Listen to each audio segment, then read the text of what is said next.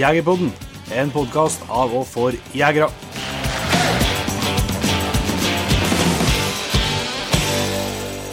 Hjertelig velkommen til en helt ny episode av Jegerpodden. Eh, Det er nesten så du som bare skal prate i dag, tror Inge. For jeg er ikke det er bra ikke vi skal prate så lenge, for det er sikkert stemmen holder. Nei, det, du er ikke helt deg sjøl om dagene nå, nei. Det, det er Du er groggy i stemmen og I kroppen òg. manflu og Ja, ja, ja. Feber og- ligget med- folda hender nå et døgn. Jeg bare venter på at det skal være over. Du har tatt covid-test, eller? Nei, jeg har ikke gjort det. Jeg har ikke brydd meg om det. Det er så Nei, Det er jo liksom ikke om moten lenger å ha covid. Nei. Så Jeg tipper kanskje at du har det. ja, det er i hvert fall det er noe, noe som ikke kroppen vil ha, i hvert fall. Det er helt på det rene. Men eh, dagens episode er jo um, et riktig godbit av en episode, og det passer jo bra, for at dette er faktisk sesongens, eh, sesongens siste episode. Ja. Eh, etter eh, den fredagen her så blir jeg litt, eh, litt juleferie, både for oss og for Jegerpondens lyttere. og Slipper dem å ha, ha oss å høre på hver uke. Det kan jo være godt, med, godt, å, godt å slippe unna. Ja, det Nei, det er sesongens siste episode, og ja, juleferie sier det, men vi skal nå vi skal nå snart ha et liveshow i Oslo eh, neste uke, men eh, det er i hvert fall siste som blir lagt ut. Ja, ja. Og så ja, og så vi skal vel sikkert lage noen mer episoder i mellomtida i jula her òg, sånn så at vi skal vel ikke helt gi oss, nei. Og vi har nå alle mulige ambisjoner om å komme styggsterkt tilbake på nyåret. Ja. Men uh, denne episoden det er nå et uh, opptak fra et liveshow vi hadde oppe i Lierne. Ja, I juli, faktisk. så mange, lenge siden. Ja. Og der er det jo med opp til flere gjester. Det er jo en uh, Alf Joar Aspnes som er, som er hovedgjest, og som vi, som vi tar lengst praten med. Men eh, Magnus var jo med og, og underholdt litt, og så dukka det opp en, eh, en gjest som ikke visste han skulle være gjest sjøl da. Ja, det, var, det, er jo det er flere som har dårlige kompiser. Sånn uh, Ronny Kveli, han, eh, han måtte eh, ta det på strak arm og få beskjed om å komme opp og sette seg i stolen, han gitt. Men det klarte han med bravur, vil jeg si. Så det, det selv om det var litt overraskende for han og for resten, eh, så, så gir ikke opptaket noe inntrykk av det, for han er god til å prate for seg. Så det kan jeg nok nå straks, eh, straks se fram mot. Eh, Vi laga episode sist i, i Danmark, så vi har ikke eh, vunnet og gjort så mye annet. i. Jeg har så mye annet landa og, og blitt sjuk, da. Men en jaktdag har vi nå fått til òg.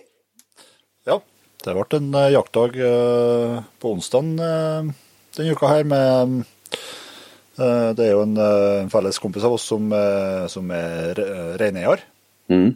og som har eh, ja, vært plaga de siste, siste ukene egentlig med, med mye tap og funnet mye kadaver til gaup. Mm. Eh, så han har jo eh, Han er jo han er jo ivrig jeger sjøl, da. Eh, Absolutt. Og har, og har eh, veldig, veldig gode hunder. Mm.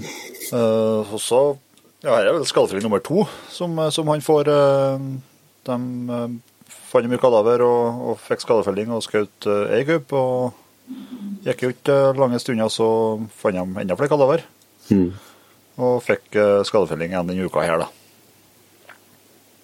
Og da fikk nå bare med å hjelpe til på det. Og det, det gikk nå egentlig både fort og, og veldig bra. Ja.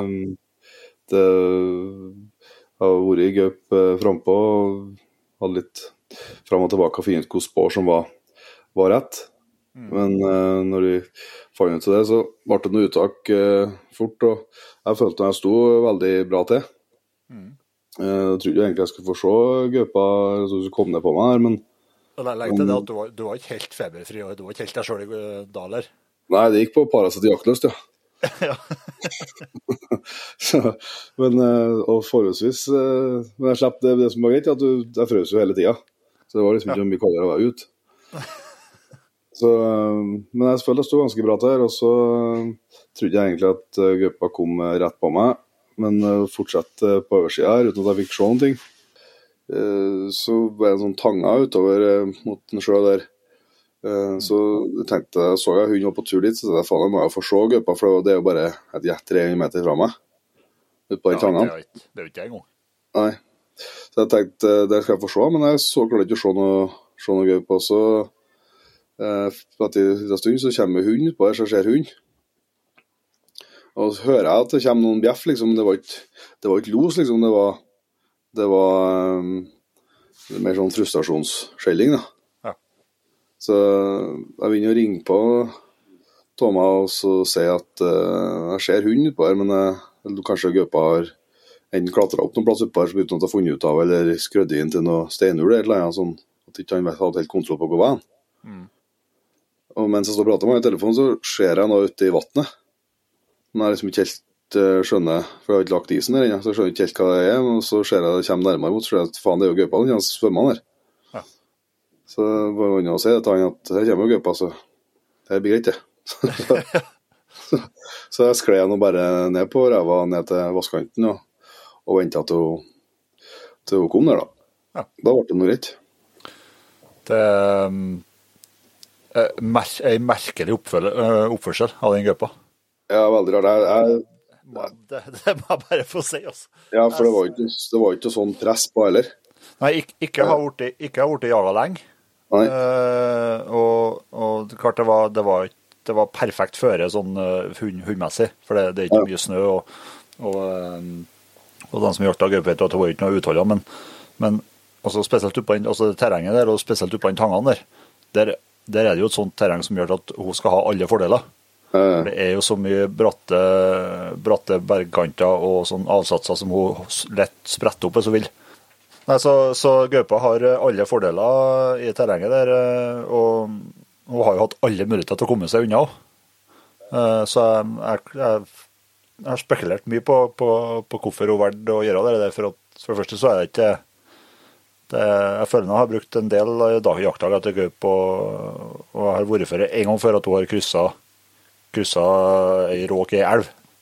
Eh, det, er det, det er det eneste. Det, det er snakk om tre-fire meter, liksom. Det, at hun- så jeg, jeg syns det var fryktelig eh, spesiell oppførsel, og grubla mye på mye på hva som har skjedd. Vi snakka med Via om å liksom kunne skledd de ut om, altså at hun har mista grepet og, og, og datt ut i vannet sjøl, men, men eh, når du vet hvilke egenskaper katten har ja. eh, Men det er nesten det jeg det, er det, er mest, jeg mest trua på. Men jeg så jo ikke når hun for ut det.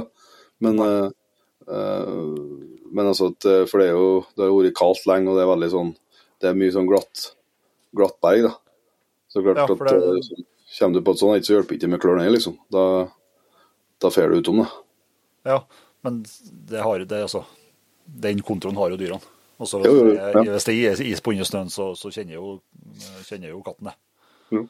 Nei, det var jævlig rart. Men det var, det var Ja, en pussig opplevelse sånn sett òg, for det er liksom eh, ja, Jeg har skutt bare ei gaup før, så det kan ikke late som jeg har så mye erfaring med det, men, men jeg har vært med på noen fall, og det er liksom ikke sånn Det går jo som regel ganske fort. Ja. Eh, For at Du får ikke noe forvarsel på det her dyret, det er helt stille i skogen. og Det er bare sånn som et spøkelse som plutselig står der. Ja. Eh, mens her var det mer sånn at jeg visste i Det er vanskelig å anslå tid, da, for det er vanskelig å bestemme når det er sånne situasjoner. Men, men sikkert et par-tre minutter, da, så visste jeg at nå kommer jeg til å. Ja. ja, for det, det var liksom eh, var Jeg vant ikke å se styggmye på deg før, at, eh, før at du skjøt deg, men eh, jeg så nok til at jeg skjønner hvorfor de ikke, helst ikke vil svømme. For det var, de, de var ikke, de var ikke svømmer. Nei. Det, var- det var jo ikke noe røff sjø eller noe heller. Så, men det er mulig at hun visste Hun har sikkert sett meg. Eh, Ja. men, uh, nei, men det var noe også Det er jo ikke jakt sånn sett, det er jo skadefelling. Så det er jo ikke Det er jo ikke samme er, altså, Jakta er jo for så vidt spennende for de, men, eh, men det er jo mer det er jo mer et sånn tydelig mål. Det handler om å få, få felt det, det dyret, og så mm, er ikke så det blir litt annet enn, enn hva vi er vant til på vanlige jaktdager. Men noe privilegert som får lov, å, får lov til å være med, og det er jo eh, når, eh, Det er jo rart, liksom. eh, Skal ikke jeg si at jeg har full kontroll på gaupene oppi, oppi her, men, men jeg har nå spåra ganske mye de siste årene at jeg flytta hit. og Det har ikke vært noe all verden til gaup. Det har vært liksom langt imellom å sette spor, og- men det har skjedd et eller annet i vinter. For det, nå er det jo, har det vært flere, og, og det er klart at det gjør jo gjør jo sitt for reineierne, det er ikke tvil om. Nei, det, det er klart det er, det er, det er tøft og vanskelig for dem å, å holde på nå. for at jeg synes jeg, altså, Nå er det de siste, ja, siste to-tre ukene så har det, det dukka opp så mye spor, og, og det er familiegrupper, det er enslige, og det, det kommer opp på viltkamera. og Det, det er liksom eh, Det er alt mulig rart. Så det, Mm.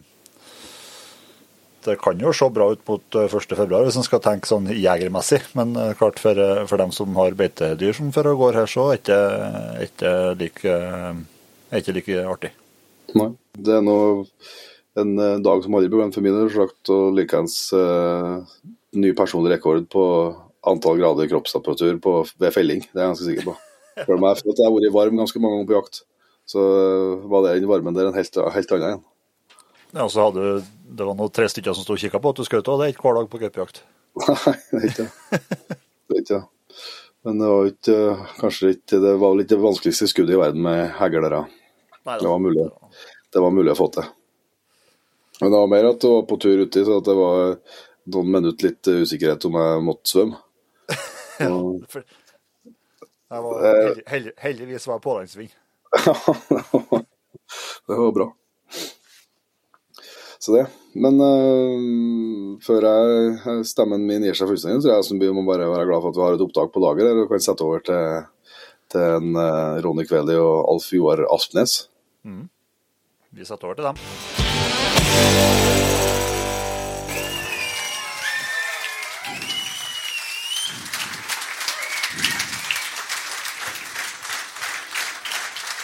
Ja, ja, ja. Tusen, tusen takk. Her var det stappfullt. Endelig så er Jegerpodden i Lierne. Lierne er jo ikke bare et uh, kjerneområde for bjørn, gaup og jerv. Det er jo kjerneområdet kjerneområde for Jegerpodden-lyttere. Så endelig er vi her. Hæ?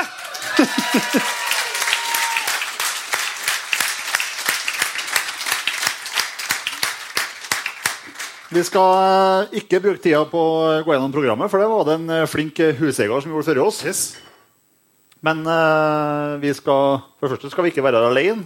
Neida. Og det står instrument her og full pakke, så eh, her har vi troa på å bli en uh, veldig bra kveld. Ja, Vi må si tusen takk til Ytterhardstuna og Liv Martan som inviterte oss. Og gi dem en liten applaus. De har jobba hardt.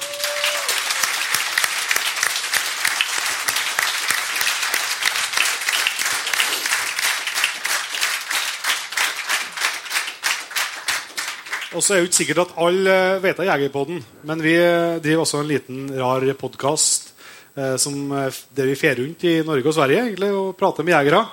Og den nyeste episoden av Jegerpodden den skal få lov til å være med og lage i lag med oss her nå. Og så, som Inge sa, skal vi ikke være alene. Vi skal ha med oss noen gjester. Vi skal ha med oss to gjester i kveld. Den ene gjesten jeg vet ikke at han er gjest sjøl ennå. Så jeg vil si at det er en av dere som sitter i salen, som skal være med som gjest her. Så dere kjenne litt på det. La det synke inn. Men eh, før vi tar inn gjestene, så skal vi ha med vår gode venn og eh, jegerkompis og eh, favorittmusiker. Ta vel imot Magnus Hessegrei.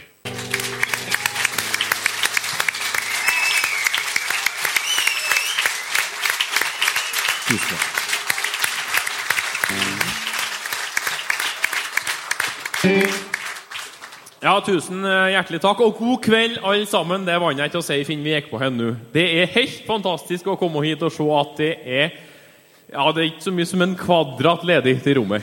Det, Det har ikke gått inn en røyskatt om du har spist den i begge endene. Eh, Vi har jo vår gode venn som dessverre ikke er med. Han er jo død, da. Han er jo ikke med oss i kveld. Nemlig Svein Jæger Hansen. Han er bra på å reklamere når han kan. Og eh, han har jo du skrevet en låt om. Ja. Eller til, i hvert fall. Ja. Som en hymne.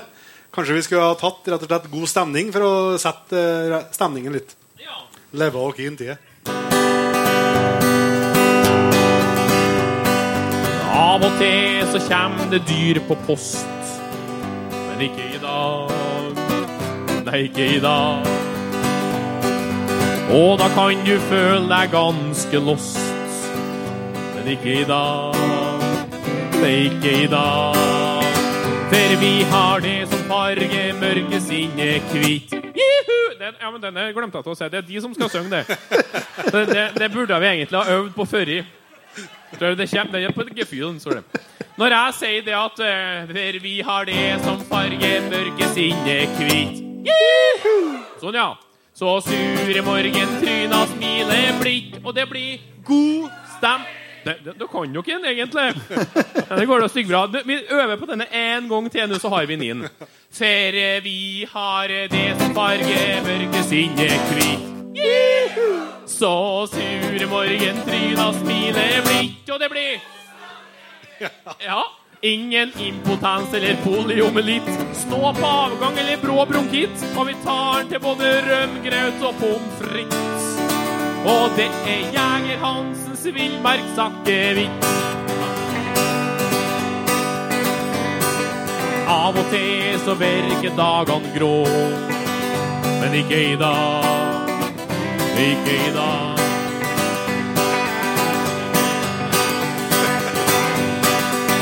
Der vi har det som farger mørke sinnet hvit. Så sure morgentryna smiler blidt, og det blir impotens eller poliomelitt. Stå på avgang eller brå bronkitt, og går til både rømgraut og pommes frites. Og det er Jeger Hansens villmarksakevitt. Om det er halvvindvær og ryggen ber, men ulykk rår og dyrene fer. Og hele intensjonen har spilt fallitt. Ja, da stig fra aska opp så ubestridt. For alles kjære jeger Hansen med sin akevitt. Og gir oss det som farger mørke sinnet hvitt. Så sure morgentryna smiler blidt, og det blir god stemning, ingen impotens eller poliomelitt. Stå på avgang eller brå bronkitt, og vi tar til både rømgraut og pommes frites. Og det er Jeger Hansens villmarksakevitt. Ja, det er Jeger Hansens villmarksakevitt. Og hør, det er Jeger Hansens villmarksakevitt.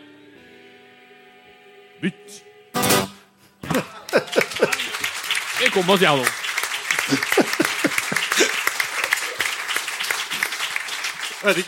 Det her, det her eh, litt sinte blikkene du sender meg, er det for at jeg spør om den låta vi ikke har avtalt? Eller er det noe annet? Ja, det var ikke den vi har sett for oss å spille. Da, Men eh, da, tar- da tar du den med sammen nå. ja, så er vi ferdig, så er vi ferdig med. Skal vi ta, skal vi ta enda en? Ja, det, er- det er folket som bestemmer. Tøl- tøl- Tøler vi en til? Ok.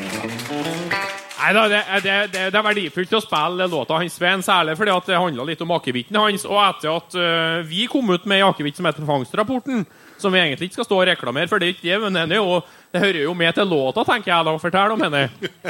Så har jo ikke blitt solgt noe Villmarksakevitt, så vi må jo synge om det, om ikke annet. Ja. Ja, For nå, nå er det Nå er, nå er ikke det er lenger. Nå er det det var. Det var Jeger Hansens Villmarksakevitt. Ja. Det blir eh, Det blir mer musikk. Men vi skal altså ha opp kveldens første gjest. Og som vi nevnte helt innledningsvis her, så eh, vet ikke vedkommende at han skal være gjest. Og eh, det er kanskje noen som har ønska at det var dem, og noen kanskje enda flere som er gruva. Men det er ikke vår feil at dette ble som det ble. Det er pga. dine gode kompiser.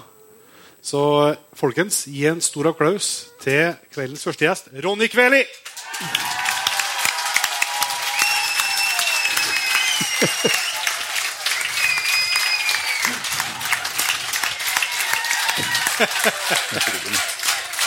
oi, oi, oi. Jon Petter, God dag. Jon Inge, kom og sett deg. du skal få der. Der har du mikrofon, vet du. Har, har du noen gode kompiser? Jeg tror ikke jeg er noen gode kompiser. Dette var akkurat det jeg ønska meg. Ja, for det, det, er jo, det, det er litt sånn 50-årsfeiring til deg nå, forstår jeg i kveld. Ja, jeg trodde det var det, men eh, nå nå begynner det å gå over litt. Grann. Uh, vi, for de, dem Nå skal, nå skal jeg flytte PC-en min, så ikke han sitter og ser på Ja, stikkordene ja. her. For dem som ikke uh, kjenner deg, Ronny, så bruker vi alltid å la uh, våre gjester i Jegerpodden introdusere seg sjøl litt.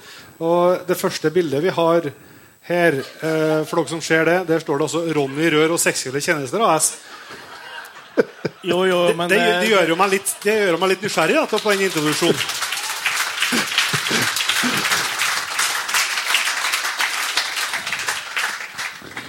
Jo, jo, men jeg driver med, med rør og det som innebærer. Så eh, man må jo tilfredsstille kundene. Ja. Så, Det de vil ha. Selvfølgelig må han få det han vil ha. ja. Da, men da, du er rørlegger, med andre ord? Ja, Ja. det er vel det i utgangspunktet, men jeg kan ta på meg oppdrag. Men eh, jeg vet Det, jeg, det, jeg det, tror, det landbrukeren kaller attåtnæring. ikke det? Ja, noen må tjene penger på. eh, vi, Det er jo det som er sagt, eh, vi, eh, vi kjenner jo ikke deg, Ronny, men, eh, men eh, jeg har hørt navnet ditt eh, nevnt i mange sammenhenger. Så jeg vet jo at du er en ivrig jeger. Ja, en har vel kanskje jakta, så det var Så det gikk med pil og bue og jakta mus, for å si det sånn. Og nå er jeg seksårig tjenester, da, så det er jo ikke så Det ikke så langt unna nå. Ja.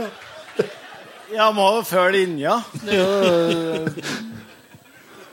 Jeg kan uh, si eh, Det er jo det samme som meg til Jon Inge, at jeg har ikke uh, truffet deg før. Men jeg, det jeg derimot har uh, hørt om, det er oppdrettet ditt. Ja, og det har blitt tigget opp i poden før. Ja, det, det er helt riktig. For- Og det, dere- det, det, det, og er ganske spesialisert, vil jeg si. Dere, Ja, jeg tror ikke det er mange som har der eh, Det er genene, for å si det sånn. Nei, for det, dere har spesialisert dere på blanding mellom jevntunn og drever. Ja. Og det tenker jeg at eh, Jeg har et skulle, bilde det, her. Det skulle jeg flere ha satsa på. Ja, Faen, har fått det her, han. det er altså Der er, er kjerringa vært ute, ja. Det tror jeg. For dere, dere da, der har vi mor og far og sønn. Ja. Ja. Faren ble dessverre avliva, men eh, to andre han lever. ja. Men, men dere, det, det er bare ett kull med du har hatt. Ja, det ble så suksess at vi dro til, vi dro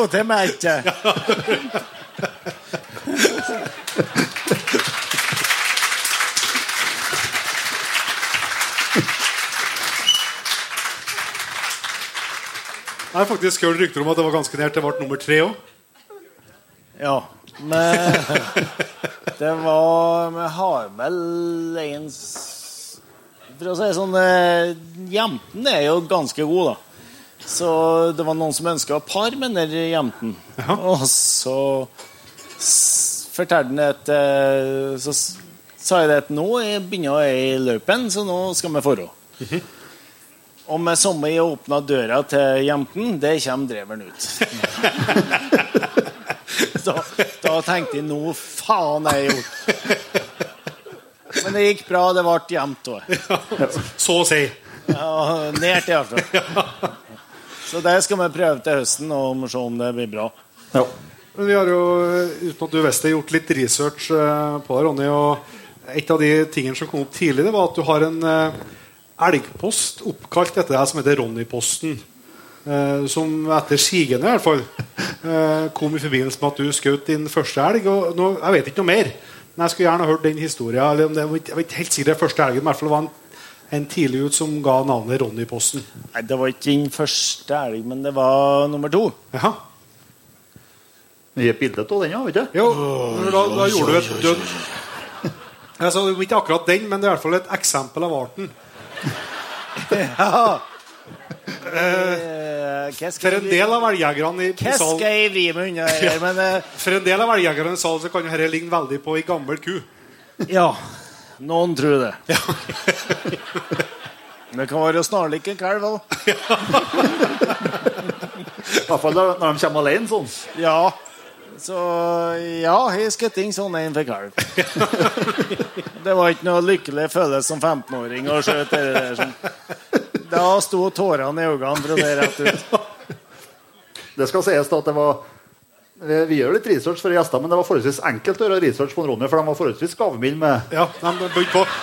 Men heldigvis så har de ikke fortalt om bare de gangene det har gått dårlig. De har også fortalt om de gangene det har gått bra. Dette synes jeg jo vi kan gi applaus for. Dette er jo en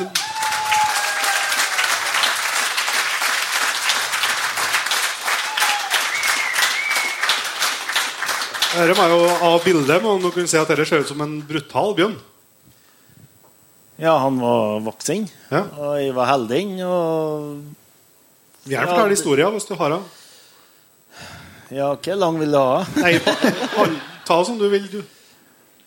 Nei, eh, hele situasjonen var jo det at eh, Vi har jo noen plotter som var gode og fant sporet. Og jogga bjørn i, i god stund, og så ble de revet. Så de måtte Eller ikke revet, men de ble skada. Ja. Så de ble uh, kjørt til Nordli at uh, dyrlegen. Og så har vi egentlig gitt opp. Så sa, som jeg satt og åt mat, og så begynte de å dro fram vinflaskene. Så kjente jeg at nei, faen, vi har bjørn i terrenget. Vi gir ikke opp nå. Og jeg har jo en gjemt eh, stående i, i byen som i vest var god til å spåre bjørn. Men eh, ikke noe mer enn det. Men han var Spåra. han spåra. Så sier jeg er det noen som blir med, så fer jeg. Ja, så var det en som sa det. Ja, vi fer. Med hund, og så gikk jeg 200-300 meter, og hun kasta seg vinkelrett på et spor. Og sier at dæven, nå har jeg bjørn. Så gikk jeg 500 meter til, og så begynte han å pistre i båndet. Jeg slapp, men eh, kom og hjelp meg, for de står i et moltjukt felt, sier jeg. Og han har tigget to hunder før, så jeg regner med han kommer i retur. Ja. Og rett før han, eh, nummer, han som var med meg, da, kom, så kommer jo Bjørn rett imot meg. Ja. Så kom han eh, til det var fire meter igjen, og da rykte hun i taumen. For jeg hadde en tometerstøm, og da rykte han, og så sto han midt, og da vinkla Bjørn. Ja. Tenkte at nå kan jeg skjøte. Og da, i og med at de vinkla, så skjøt jeg ikke skudd, og det ja, ettertid så så jeg to gjennom mitt hell, og så gir Bjørn. Og så, Ja, for det, det, var, det var litt å Hvis du bare holder han litt For det er bare vi har ja.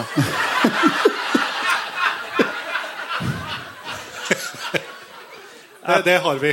Greit, ja. Jens! Nå kan, nå, nå kan du få fortsette.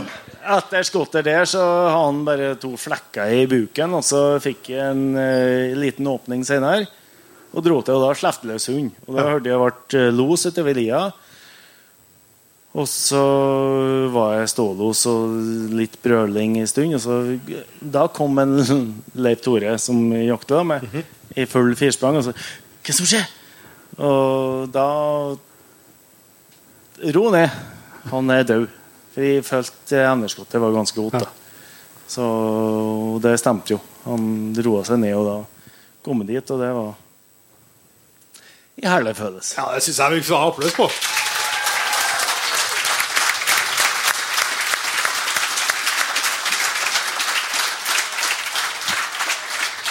Og så eh, Men det, men eh, det skal sies at eh, der eh, jobben som de plottene gjorde før i Uten det så har jeg ikke hatt noe mye. om. Nei. For det var fantastisk. Det Ja. I tillegg til å være ivrig bjørnjeger, så vet jeg jo at du er forholdsvis ivrig på å jakte gaupe òg. Jeg har vært med noen turer der, ja. Ja. Har du, har du skutt mange sjøl, da? Jeg tør ikke å svare. To. To. For det, det vi skal ikke snakke, vi skal snakke mer gaupejakt med neste gjest, så vi skal ikke dra inn det. Men, men det var spesielt ett tema som eh, researchen visste vi måtte snakke med deg om. Og Det er om eh, du har noen gode tips til utstopper. Ja. For at eh, jeg har to utstoppa gauper. Den ene får ikke noe Jeg, har, jeg har et bilde bare ikke så ikke noe kred, men den andre får absolutt all kred. Så skal dere utstoppe gaup, så har jeg et kjempetilbud. ja, for ikke, Det å spare penger på utstopping, jeg vet ikke om det er noe du tenker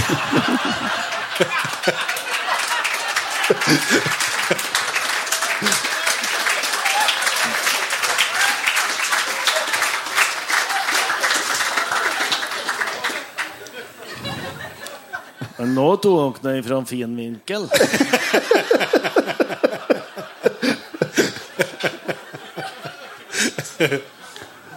Ja, jeg vet ikke, jeg. Er altså det grøvste jeg sett. Jeg innrømme.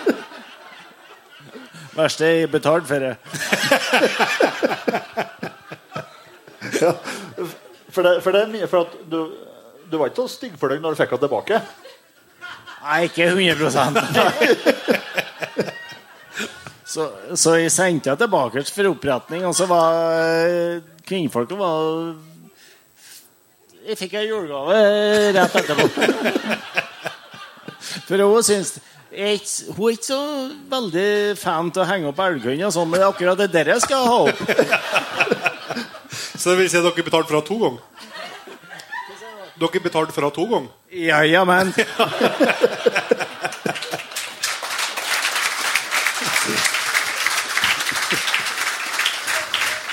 Det, er- og det er, um, Det, nei, vi skal ikke Vi skal snart ikke plage deg noe mer, Ronny. Du har vært utrolig sporty, og det her eh, dårlige kompisene dine som lurer, lurer oss og deg og alle dette her, dem får du ta som du vil sjøl. Men, men så er jo sånn at de er jo glad i deg likevel, vet du. Så jeg må ordne en liten gave til deg som vi skal få lov til å overrekke. Hvis du Jon Inge med dine lange hender kan eh, strekke deg etter den. det kan jeg, vet du. Så det har er de en sikkert ikke gaup. Nei da. Her er det en, eh, her er det en eh, bag. Så om du fyller den med jakthistorier, eller om du fyller den med nye kompiser, eller eh, hva du vil, og så har vi lagt oppi litt uh, fuglmøsser og caps og forskjellig fra oss òg. Så uh, som takk for at du faktisk reiste deg sjøl. Vi hadde ordna oss med noen folk som skulle bære deg opp hvis, uh, hvis du ikke ville komme sjøl. Men eh, som takk for at du stilte opp, så eh, får du med den her. Og gratulerer med 50-årsdagen. Stor applaus til Ronny Kveli!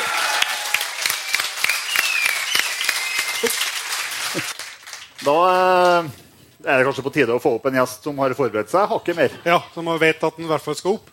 Så vi ber dere igjen om en kjempeapplaus for kveldens andre gjest, Alf Joar Aspnes. Vi skal snakke mye eh, jakt, og du, du er en mann med veldig mye historie, Alf. Eh, det vet jeg, så det gleder vi oss eh, veldig til. Men eh, hvis det er noen i salen eller eh, som hører dette som podkast, som ikke vet hvem det er, så kan du få starte med å presentere deg sjøl litt. Ja, ok, jeg skal si om det, da? Eh, jeg er noen stillferdig gubber på Mm -hmm. Og er ikke akkurat så mye utreist, for at det er ikke så lenge siden at de oppdaga at veien gikk lenger enn til Steinkjer. Men du har vært på kino, det snakka vi om. Ja, jeg var på, på Da det var, det var premieren på Flåklypa. Det var i 75. eller 76. Der skjedde det ikke vært på kino. Men du hadde òg vært på restaurant? Ja, en gang. Ja. Det, det var i Trondheim. ja. Og da bestilte de meg en rett. Det var en uh, sjøfiskrett. Hot, hot sto jeg på. Da tenkte jeg man har prøvd den der hotten, da. Jeg ble rød kinnbein, ja.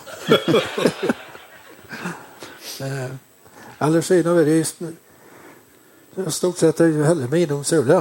Eh, Vi kan jo fortelle at jeg bodde på Seter i 60 somre. Ja. Og det Der ser jeg nå lite grann hva biløfter kan, kan ha vært da. Eh, Men stort sett rundt Kusli og Fossdalen og det området der er jeg nå rimelig godt kjent. da. ja, det vil jeg tro. ja. Det er jo der jeg liksom brukt eh, fritida mi. da. Ja. Vi har, gått på jakt og fisking og friluftsliv. Ja. Hele tida.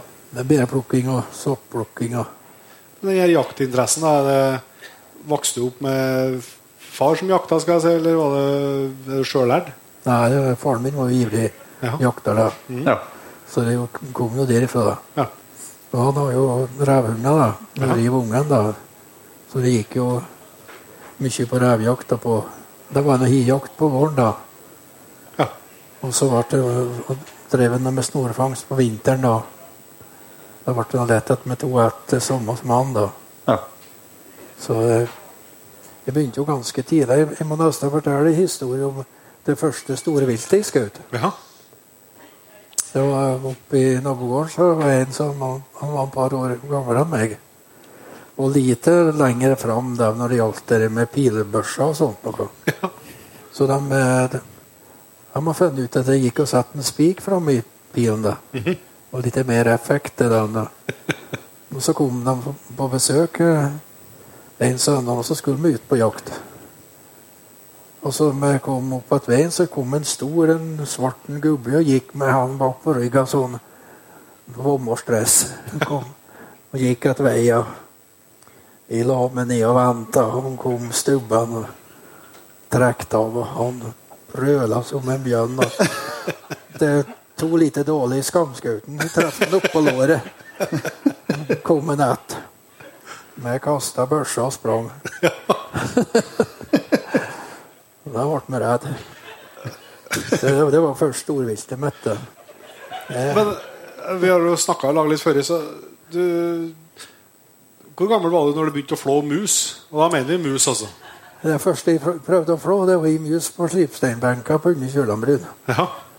Men eh, hvis ikke i min feil, så tror jeg ikke jeg har oppnådd noen stor premie på poeng som Poengsum på skinneaksjonen i Oslo. Skinnet, da. Det, men det var det, det som var starten på flåinga. Ja. Og så ble det gradert opp til røyskatt. da. Og så jeg flådde mange røyskatter. Men eh, jeg, jeg fikk så små røyskatter å gi mot for de andre. Ja. Helt til jeg oppdaga utpå våren at i tidlig framme i avisa inni røpsnorhalsen min. Å ja. For de fikk jo en røyskatt i rypsnora. òg. I ripsnara? Ja. Ja. Og det tykte de nå var storsvært. Ja, ja, ja. Enkelt eh, avisa tid fram inn i halsene utpå våren. Der begynte jeg mest tenkt at han. Det var Så noen- gode hjelpere som uh, hjalp til med røyskattene ja, de, de eh, var så små, de ville ikke flå dem sjøl. Enten satte de dem til fella mi, eller til røpsnora. Det beste de at de ble flådd. Da skjønner jeg at du var, du var storfanger, storfanger av eh, da, på, i ungdommen. var, jeg var heldig og fikk bra mange. Ja. Det. Men det var jo det var greit for meg, for jeg fikk jo ti kroner stykket. Ja, så var betalt for røyskattskinna? Ja. Ja. Og dere var jo eh, først på 60. Og jeg vet nå i 57 så, så var timepengene til førerleggeren 75 øre. Altså, det var snart en dagslønn å få en røyskatt? 10 kroner for en røyskatt. Det var bra, det. Ja. Så det Men det er ikke bare røyskattene. vet Du har drevet gjort litt eh, penger på det. Du har jo drevet med noe solgt noen revpelper en runde òg, det vi snakka om. Ja, med med, med, med Det var nå han naboen som, som begynte med å samle fugleegg. Ja. Og han har en ganske bra samling. Og det tykte meg var interessant. Og som jeg, vi skulle gjøre likeens med oss. Så vi begynte å samle fugler. Og, og ø- over en par, par-tre år så begynte vi å ha utrolig mye egg. Men så mangla vi, da, for, for uh, Det ble uh, eh, Ikke musvåken, men fjellvåken. Ja. Mangla vi. Men så var det en stor Vi visste om en plass at det var fjellvåk, da, så vi skulle dit og se om vi fant egg. da. Og så har med meg revhunden vår og foksterrier. Og da vi kommer opp i Bergen, her, så begynte hun å skjelte. Så vi måtte ned og se hva det var han holdt på med. Og så står han og skjeller imot en Einlund. Så, så er det en stor stein bakom der. Ja. Og så når vi kikker dit, så ligger åtte revunger i én haug sånn. Helt åpent. Det var bare å stå på kne og plukke fram dem. Og det har de så vidt fått øynene, da. Så vi la dem frampå, liksom kletta fram om der, da. Og så når reinen reiste og skulle springe tilbake, da, så beit hun i hjel ham. Men alt mens de lå i ro, så fikk de bare Ligge. ligge der. Ja. Men fikk en tatt tre, da. Jeg sa kom jeg på at vi, vi tar dem med oss lovende hjem. Vi har boblejakk på meg, altså. jeg La ned boblejakken og tok ravungen oppi og kleip i som en posse. da. Vi bar med oss der ungene hjem, da. Fem stykker. Ja, fem stykker, da. Og det ble en lite oppstyr da når vi kom hjem med fem lovende svevunger. Og så tilfeldigvis så var broren til uh, kjerringa til onkelen min Han, han var fra Skjevreia. Han var Åsneset. Og da kjøpte han til oss en. Og så var jeg de par folk i det Viken som kjøpte en. Og så ble det meningen at vi skulle beholde hver sin sjøl. Ja. Og så ble det en til overs, men han avliva meg, da. Ja. Og eh, den der stakkaren som for på Skjelbred, han var litt uheldig, for der hadde de en, en foxterrier som de brukte som revhund. ja. Og den revungen han reiste og skulle låne seg noe mat oppi hundkoppen. Og det var det siste. Men det ble det siste han gjorde. og han, eh, andre eh, reven med selt, han eh, ble frakta i Fossdalen. Han var der. Og han var der eh, Så når de kom dit i helgen, så var ungen der med hytta. Han, han var jo der hele sommeren. Ja. Men det ble når han forsvant han til slutt. da. Ja. Og han i havet, han med Vi gikk- vi kviga inn i Guslia da, om sommeren. Og så Vi bodde på en båt da, vest av Gusvatnet. Og så fikk jeg og Da ville ikke ha hjem, da, så jeg måtte ta han med meg dit. Og så ble vi enige om at hvis han blir med oss Men så gikk etter dere. han gikk etter oss dit, så skulle få være sammen med oss. da. Ja. Og han gikk etter oss som en ungfolk helt bort til fjellstryta i Guslia i dag. Og var i lag med oss om sommeren. og, men, og så kom det noen naboer fra Berglia. Og de har vært der året før. Og da har revungene ferdig med all maten deres. Så han har med seg salongen han, for om, om det var mer revunger der det året.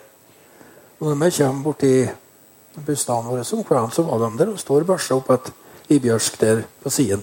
Så spør de om han, om man har sett noen revunger. Hva har dere revungen i år, sier han. Det er Pepen, den revungen min. Han var bundet i briska, men han tok seg ikke fram når det kom fram folk. da. Men han, han kikket fram og så han skutt inn tvert. da. Men uh, heldigvis han overlevde det. Men uh, han var hurtig redd uh, ukjent folk. da. Ja. Så, men han kom ut, da. Og så reiser han til å springe bortover bakken, og så sier jeg at en av kameratene mine at reis deg og se om du får bli kompis med du. Så reiser han til å springe dem. Og det med foren. Og bort ble han. Kom aldri tilbake. Ja, stakk av. eh. Så jeg mista reven min der. Ja, så. Så skal man vite, han, eh, han har hund, han hadde elghund. Og så tok den hunden av seg røvungen om. Ja. Så han fikk være løs hele sommeren. Ja. Og voksne opp og ut på hørselen, så satte han den til løpstreng. Så han sto der som en hund. Så, og så utpå vinteren, det var i januar-februar, så sitter jeg og ser ut i glasset, så ser jeg en rev som fer opp på jordommen på Andersien om sjøen. Ja. Og så ringer han på en som bor på Andersien og sier at det kommer en rev som må skynde opp på hagen. Altså.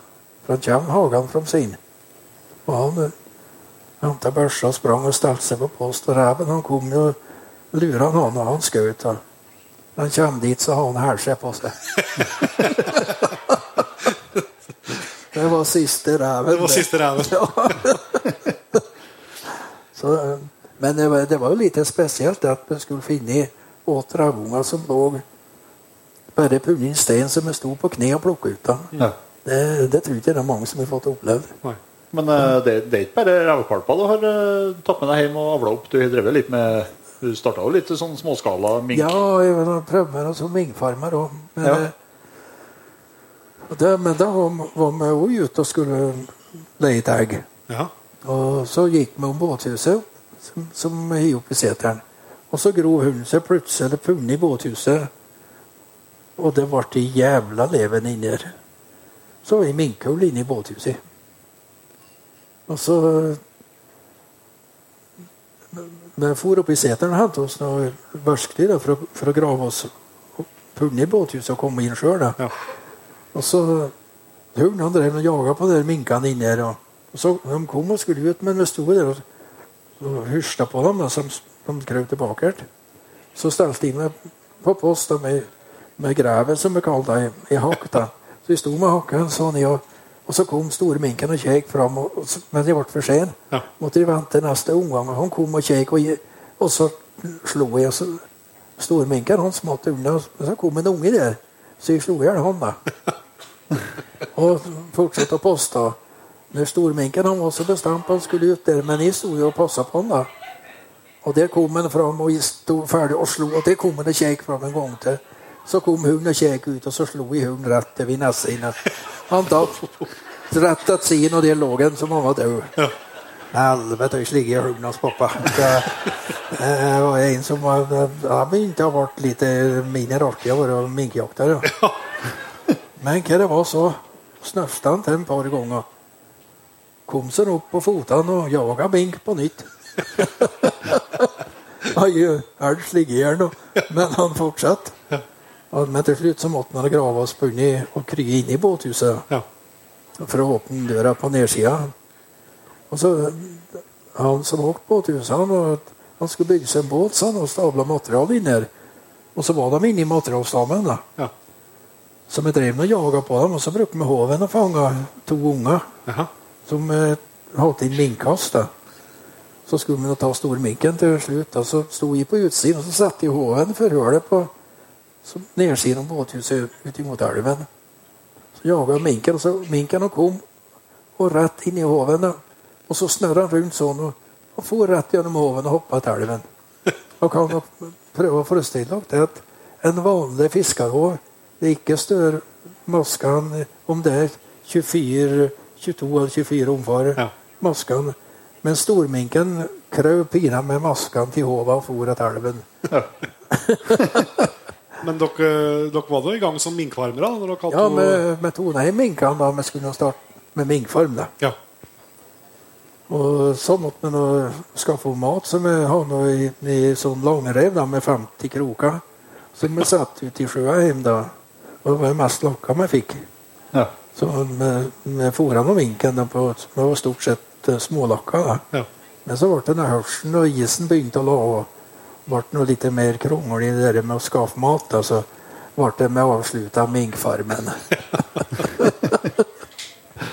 Det er jo ikke bare rev og, og mink det har vært på langt nær alt. Det er jo jeg vet at Du har vært ivrig både på rypejakt og rypefangst. Du har drevet rypefangst for salg, og du? Ja, det Og eh, det- jeg, jeg ble konfirmert i 66. Og så var faren min eh, i Guslin og jakta i 67.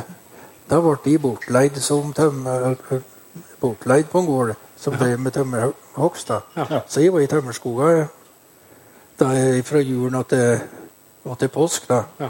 Og da har jeg, ni kroner, ti kroner, jeg fikk ti kroner dagen. jeg. Ja. Men eh, også gratis kost og losji. Ja. Ja. Men jeg måtte betale sykepenger sjøl. Ja. så, så jeg har egentlig ni kroner. Og så var en pappa en til i og jakta røp, og det var så enormt med fugl. Ja. Så de ble, ble for sene. De, de klarer ikke å holde snorene opp. Men så hadde han og pappa som har leid bort meg der for å få bort en ut av matfatet. Ja.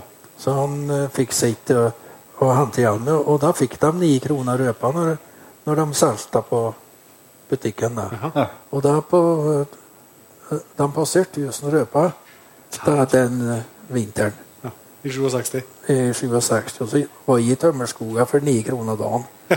Så jeg har tjent mer på meg i røpjakter. Ja. Men så skulle vi da starte med det sjøl vinteren etterpå. Ja.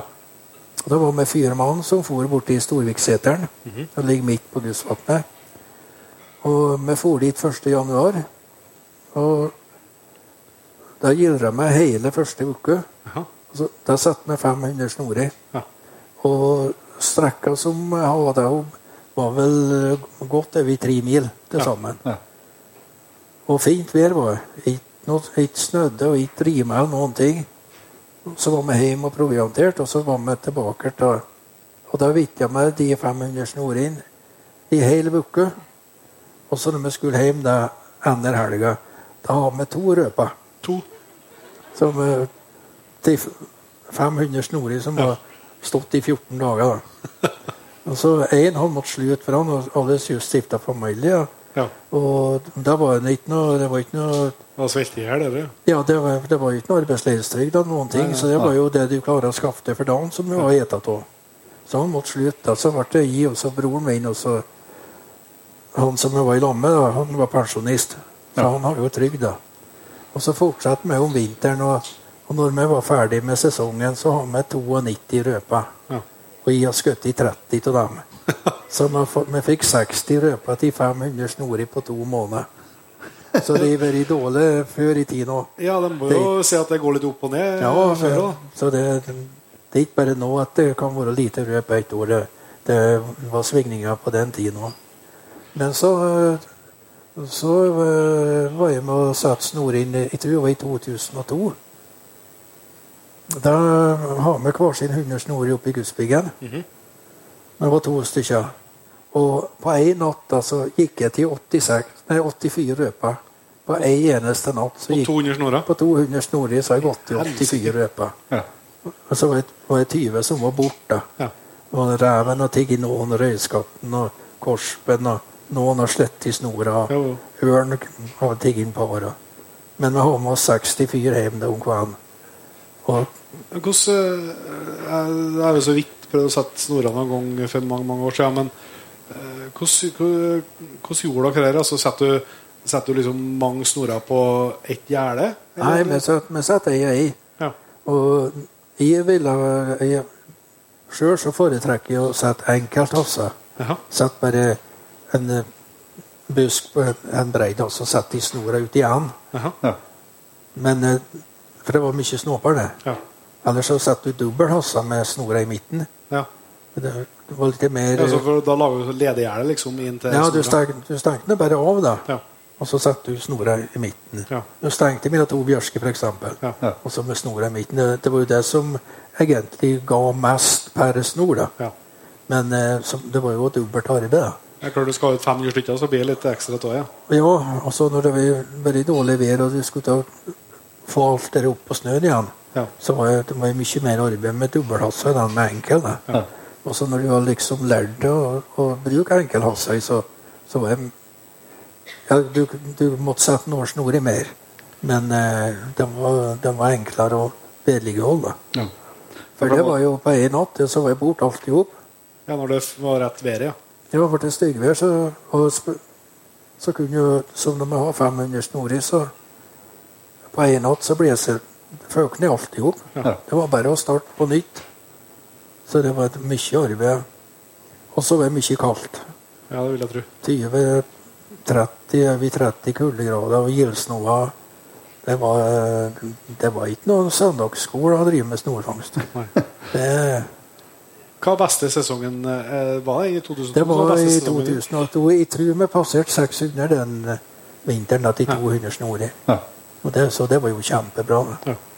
Det, Men du sa den sesongen når, du, når det var så dårlig fangst på snarene, så skjøt du 30 ryper sjøl. ja, For da får du være med hagla, da? ja, jeg har med meg høygrev når når jeg holdt på med snor om det. Ja. Men eh, mange storfangere de ville ikke bruke våpen. For de var redde de skjøt bort røpet. Ja. De skremte med skjøting av det. Men det klarer ikke jeg å se at det har noen sammenheng. Nei. Det må man må prøve å få i hjel så mange som mulig. Ja. Var det noe at det var, var det bedre betalt for dem eh. Nei, det var, det var samme prisen. Det var Ja. ikke noe forskjell på om det var skutt i fugl eller det var snorfange. Men i minst eh, Vet ikke når det kunne være, men eh, i slutten på 50 Da kom jeg inn med lastebil og, og stor en treplatt bakpå. Jaha. Og den var i hvert fall eh, to, to og en halv meter høy, den platten. Og han var helt fylt med, med fugl. Så det var, det var nok plass for flere tusen røper til Ja. på, heim- på den lastebilplatten. Nei, Ja, En oppkjøper som for i bygda og kjøpte opp fugl. Så, så, så det, det ble fanget en del fugl. Ja, Men, eh, Men, men det er en annen ting jeg vil nevne når det gjelder det med røpe, at eh, jeg holder meg fortsatt på det at vi gir noe som heter forflytterøp. Ja. Og det er feit jeg noe aksept for, liksom i, i Så dem som forstår seg på røp, da. Men eh, som regel i, i siste av februar så kommer plutselig noe enormt med røp. Om denne hun er litt spettete i fjæra, du kan si én av tre eller fire, så kan du ha ei og to gråfjærer oppå ryggen. Aha. Og så er det lite grann mindre, og så lite gulere i fjærdrakta. Så når du, når du ser henne på langt hold, så, så ser du at hun er gulere enn enn den røpa som, som er i, i lierne igjen til vanlig. Okay. Dere, de kaller han denne for smølarøp før i tida. Ja. Jeg har ikke noe tro på at hun kommer fra Smøla, men, men at det er kystrøp som er på trekk. Ja. Og denne slår, det slår nesten ikke feil. Hvert eneste år så kommer ei sånn trekk. Ja. Og, da er om at, og så kommer sørene ifra og fer nordover. Ja. ikke hørt noen gang at de eh, at det er registrert fugl på tur tilbake. Nei. Så enten fer jeg tilbake på andre områder, eller så kommer jeg ikke tilbake heller. Nei. Og da gjelder På ei uke da, så fikk du like mye som du fikk på resten av sesongen. da. Ja. Når de trekket kom, liksom. det, og det var i sånn, sikkert i sånn trekk som kom Ja. da jeg fikk 84 da, på, Ja. på ei natt. da. Vi, vi er jo mest eh, til å snakke om jakt via alt, men jeg vet jo at du er en eh, over snittet ivrig fisker, og vi kunne sikkert ha sittet i, flere kvelder og fått hørt fiskehistorier. Men jeg har lært meg å fortelle om en historie som jeg har veldig lyst til å høre om. Det er en ørret på åtte kilo på oter. Ja. Er det sant, det? Ja, det er sant. Eh, Vi skulle eh, opp på Gudslåten og Oter. Og han pakka sekkene og var ferdig til å skulle forå. Så kom en eh, gubbe ned på gården og skulle prate med pappa. Og vi sier at vi er på tur og skal i seteren og Oter. Ja, han. Men da skal dere ta av de eh, kortbanene dere har på hotell. Og så setter dere på 0,45. Og så minst sånn lang, sier han. Strekk ut armene. Går han på det, da tar dere han. Det er minst det. Han bøyde seg fram og sa det. Går han på det, da tar dere den. Ja, vi for og i båthuset og eika ut hotell rundt båthusveggen og satt på ny lin av 0,45. Og så mangler vi ei flue. Og sånn har det vært på Gjeddeide, broren min. Og det var da de første spinnerne kom. Vi vet ikke om det fantes spinnere på norsk side å få kjøpt heller. Så han har kjøpt to-tre spinnere, han også. Og det var en sånn eh, koppermaps med røde dupper på. De finnes å få kjøpt i dag. Og alle som eh, fisker med spinnere, de har en, en map-spinner, liten en rød med, med kopper med røde dupper. Problemet med dem i dag det er at de ikke er like bra som dem som fantes før. Som så mye annet. Ja, for det, nå er det for mange prikker på dem. Ja. Det var, det var mindre prikker på den gamle den Gamle mapsen. gamle mapsen. Du kan bare tenke at hvis det er noen som gir gamle mapspinnere, så jeg tror det er fem eller seks prikker på dem. Jaha. Men det er flere på de nye nå. Og de, åtte på nye. de er ikke like bra. Nei. Men i hvert fall så hengte vi på en sånn kopperspinner. da. Så fer vi bortover vannet og kom nesten ja, Lite bortom midten på vannet så så såk lina. Men vi- men vi rodde med to otere. Ja. Og så holdt eneroteren oppe og gikk på land. Så roeren fikk beskjed om å måtte ro rett ut. han da. Ja. Og så såk lina på ytterroteren. Mens han rodde ut. Når han rodde ut, og, men han rettet opp båten igjen, da, så står lina rett bakom båten. Den sto rett ned i vannet. Ja, Ja. Det, vi fikk ikke opp linene mer. Så det satt fast der. Men eh, det kom sigende etter for at uh, han fortsatte med råd. Og var vi sikker på å være inne i bunnen og kunne fått inn stokk eller en stor en kvist eller noe. Så det var broren min da som, eh, som begynte å ta opp oteren. da, Så slapp vi flask bakom båten. da. Men vi tenkte ikke på at vi skulle tigge av fluene når vi kom dit. Nei. For at vi, vi skulle jo bare ta av den stokken som satt på. Og så kommer bort at eh, den flua Det satt fast da på flua nedom, så stiger den opp til båten og, og løfter sånn. Det er en enorm bøkker av fisk som vekk på seg. Så, ikke det gula på den der han sto. Da vi, da ble vi litt mer forsiktige. da. Og så har vi en sånn vanlig sportsfisker, og den er kanskje en halvmeteren dyp. Lura fisken opp, og Vi skulle prøve å tre på en hoven, men det var jo Fikk ikke hoven på mer enn halve fisken. Gjorde noen jædrans plask, da, og så gikk han ned. Og han bare å fire etter alt, men han bare vann da, med, med, få ut lina igjen. da. Ja. Og vi dum nok til å prøve den en gang til med hodet. Han innatt båten, men eh, det ble noe samme historie. Skulle prøve med hoven andre gangen. Så det var noe, Hoven? ja, det var noe løndørst. Og så skulle de prøve å ta den med fingra. Ja. Og så når han kommer innatt båten, så stikker i rør ut gjennom kjeften på ham. Noe så mye. Ja. Men jeg var sikker, og da så vi at det var, det var på den eh, spinneren. Som han satt da, men uh, først har jeg gått på en liten rør på spinneren, og så, så var røra han eh, og tigger. da. Ja, ja. Så vi venta jo bare på at han spytta noe ut av. Ja. Men uh, så skulle jeg prøve å ta han sin kleipte inn. Og kleipte inn øret på som er sånn. Det er ikke, men det er bare holdt i halsen. Brein seg og løs og for da òg. Men uh, satt på jorda. Jeg lura han opp på et båt igjen, og til slutt så fikk jeg tredd fingrene innom gjellene på han da. Den over i båtripa, og da ble det jubel. Han var åtte kilo. Ja, han var Og så eh, Vi skulle vært ute om natta. Da rodde vi rett i land. da. Og vi hadde vel en eh, rundt i titallet vanlige fisker til båten. da. De bare fikk ligge i båten, og minken kom og tok dem. Det ga meg tusen timer. Tomassen, den der store fisken og hengte opp en tibbjørsk oppi opp med bålplassen. da, Så satt vi ute da, om natta etter det ble løst. da, så jeg for med Bengt hjem om om morgenen. Hjem og morgenen da.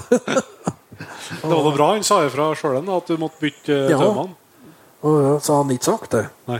Så har han ikke ingen Jeg vet ikke om vi skal lære dere det rådet at dere skal bruke 0,45 og to meter lang eller Men uh, du nevnte jo, uh, du nevnte jo redskapsfangsten her, men, eh, men eh, jeg vet eh, du er forholdsvis ivrig på mårfangsten. Ja, vi har drevet mårfangst helt siden eh, Ja, det ble Det ble utvida og begynt med litt større feller da når de ble litt gamle. da. Ja. Satt ut mårfeller, og det har vel drevet med i, i 60 år. Står, det, hang en diplom, det, det hang en diplom hjemme der det sto 'Årets mårjeger' i jakt i Lierne Ja. i 2018-2019. Ja, det kan vi ta applaus for.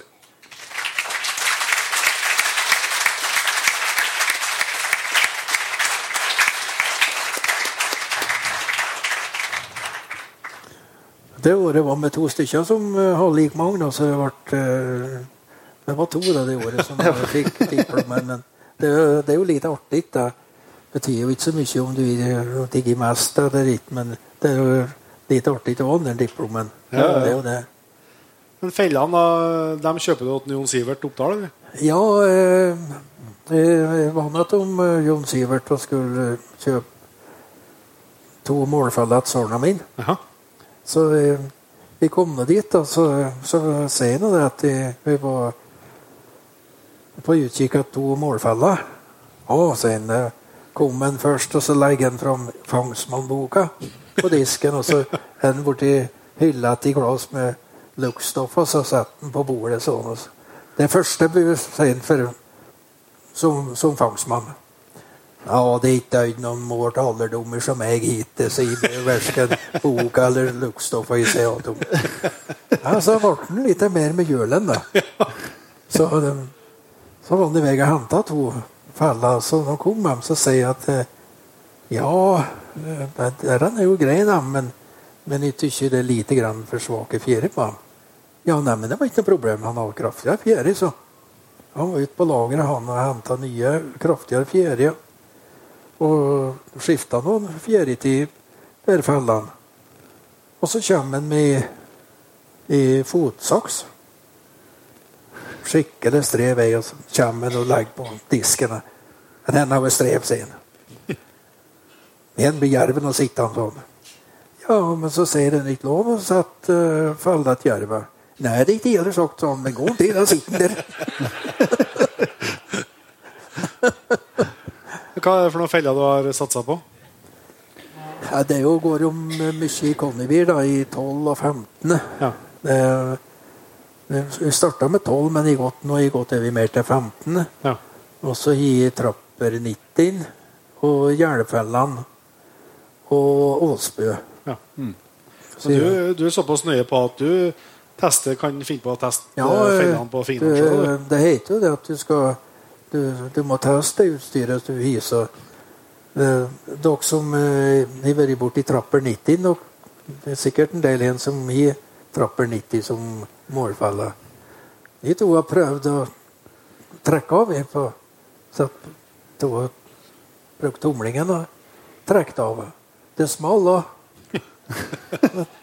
Der ble den pinadø sittende. Min jeg har jeg svart fingervåtbar på meg slo jeg rett over tomlingen innan negeren. Dæven, noen steik i det. var en som ble, begynte å bli svett i stunden. Gikk ikke lenge før i blodet rant uti ut, Våten. votta. De fikk ikke om. Fy faen. Prøvde alt det de kunne, men i helvete om vi fikk dem med folla. Og det var langt hjem. Eh, men til slutt da, så fikk jeg endelig opp skalmen såpass jeg fikk igjen tomlingen. Jeg var spent da når jeg tok av meg votten. Ei kløvd. Skinnet oppå. Så vi så nå det at han satt nå på, så. Og så Jeg ga meg ikke før jeg gir opp folda.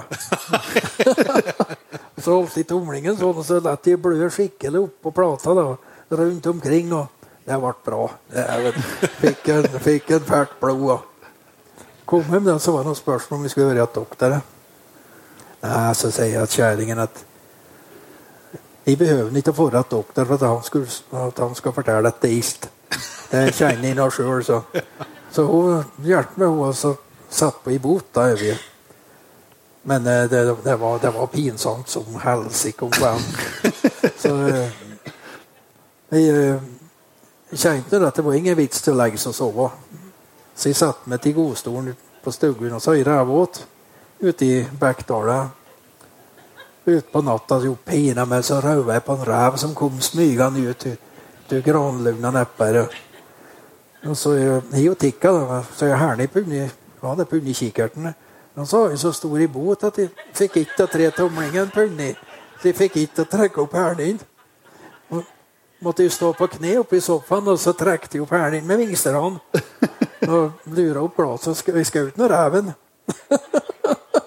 Det gikk bra, det. Ja, Men uh, ja, vi tar en applaus for den.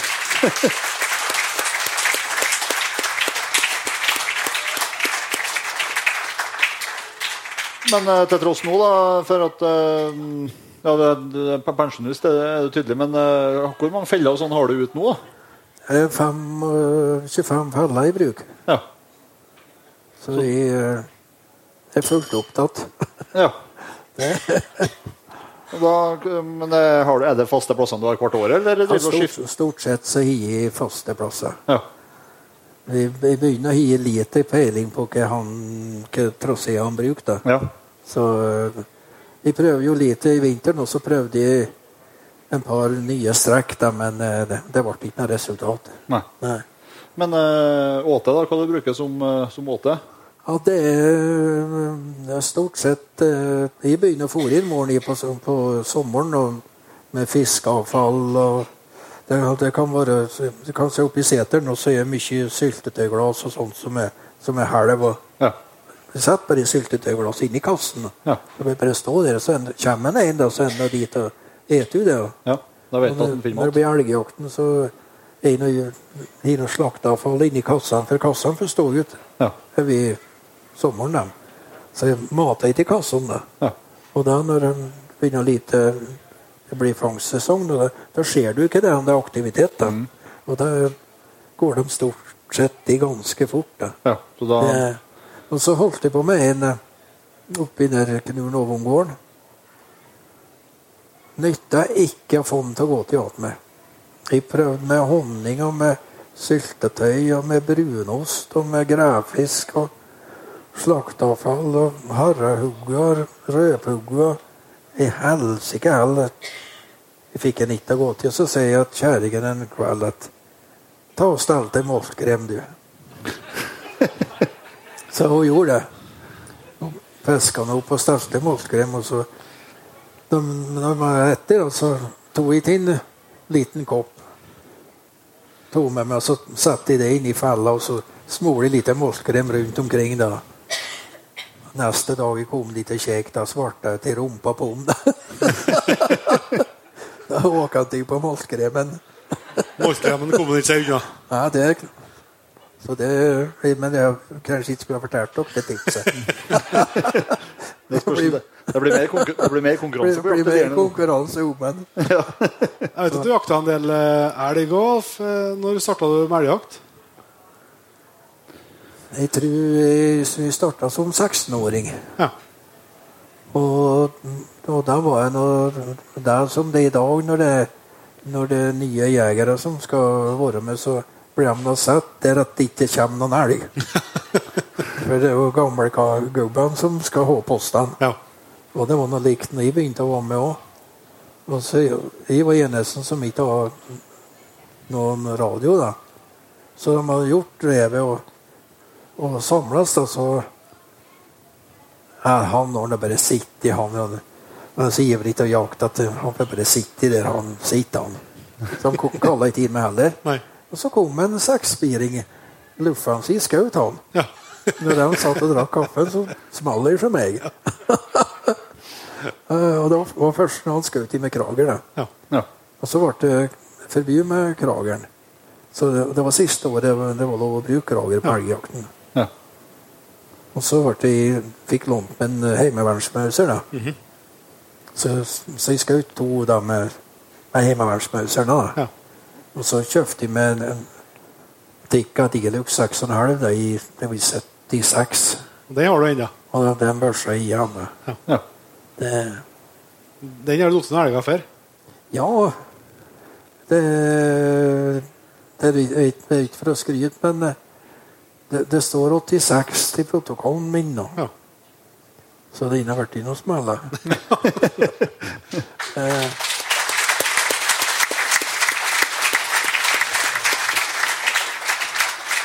Og, da kan, vi, vi kan nå fortelle litt bakgrunn, for at de vet hvor mange elger jeg skjøt. Det var for vi jakta statsallmenning i 20 år. Ja.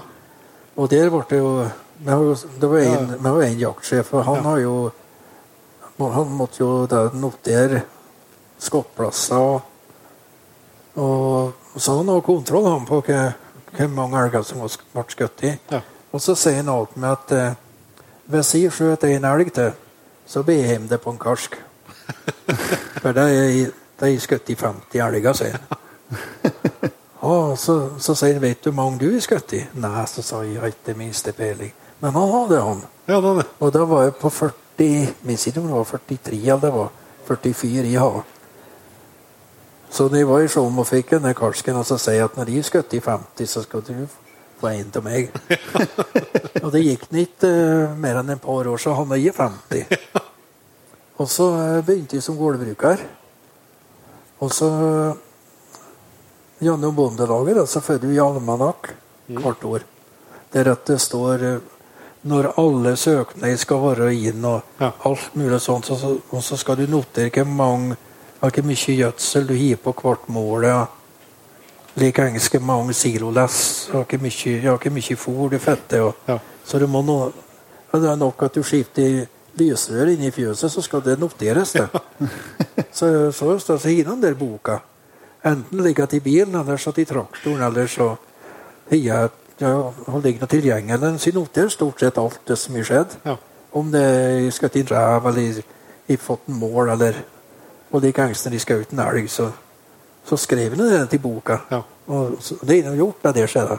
Ja. Så så det støtt seg i kontroll da, på hvor mange i Men når du starta elgjakta her, da det, Nå er det jo bra med elg i områdene her, det er kanskje over toppen her òg, men eh, det var ikke elg riktig bare bak en busk?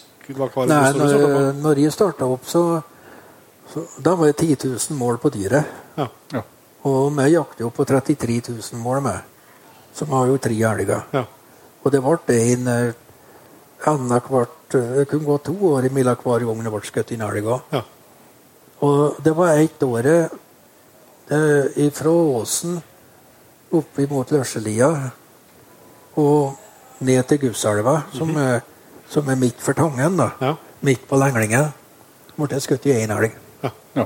på hele Haugen. Så det har skjedd noe. ja, det har gjort det.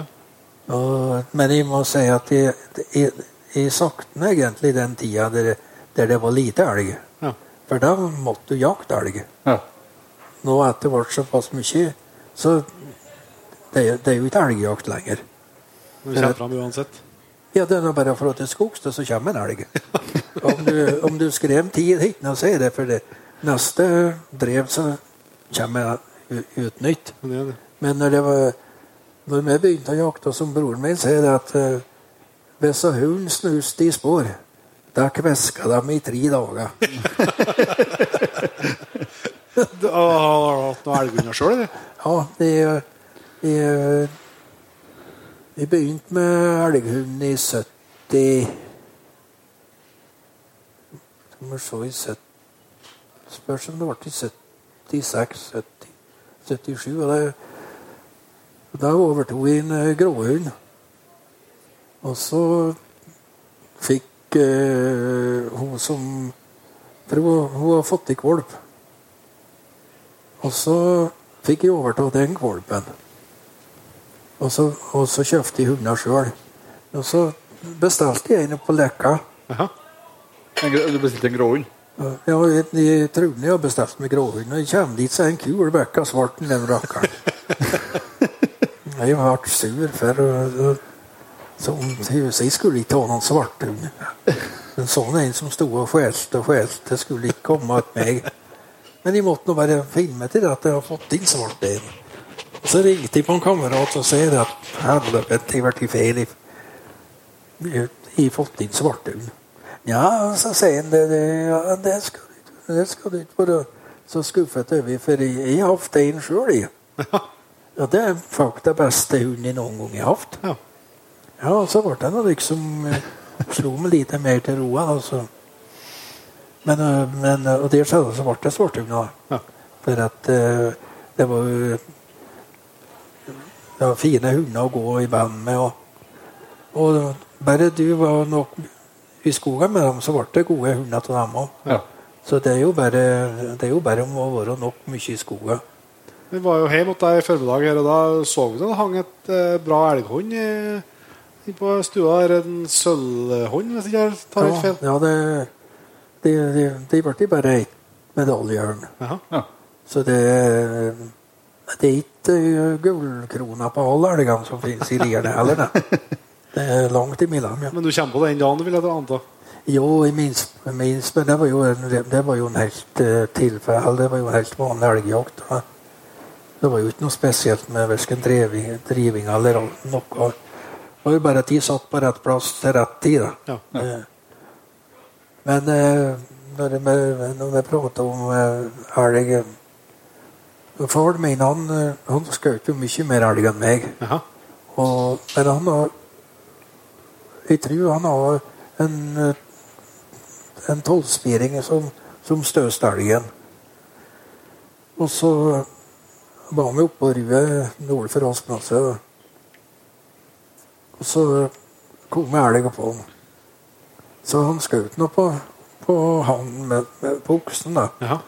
Og så når vi kom opp igjen, så, så sier han at eh, Jeg tror han for borti dalen, den, sier han. Men det var, jeg, jeg tror han i stana der, for jeg har ikke sett han for derifra.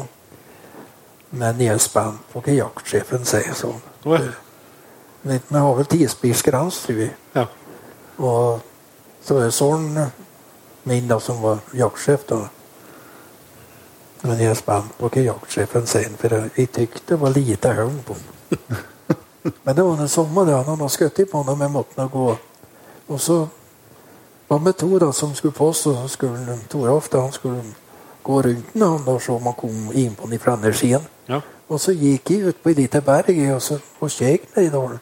Og så så det ut som det var jædrans monster til kron som lå nede. Men det, det, det kunne ikke være noen elg, for han på skjøt på det, var det bare en liten en. Så, så jeg prøver ikke mer om det. Så ser jeg jageren kom utover lia.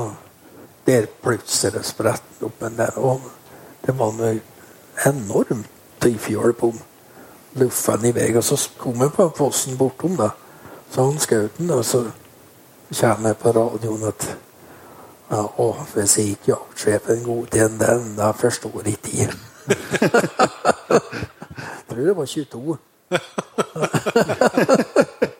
Det var Så, det, var Hun ble jo ikke poengberegna før i flere år etterpå, men det var- er vel 296 poeng hun innmåla på det. Så det var et gullhånd hvis det hadde blitt tatt. han har i tigg i etter tre måneder så hadde han fått gullmedaljen på henne. Mm. Men han var spent på hva jaktsjefen sa. Han syntes det var lite haug.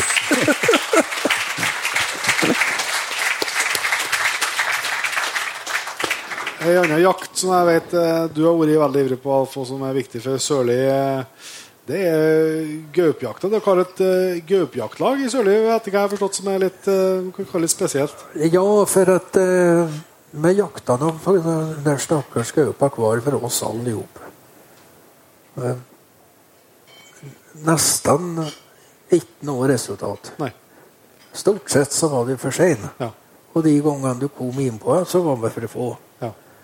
Og så ble det Jeg vet ikke riktig hva Men det det ble når vi begynte å prate oss mer i lag over hele bygda, Ja. så ble vi enige om at vi skulle ta prøve prøve samjakt. Jaha. Og så fikk jeg telefon om at det var registrert i Gaupi med bygda.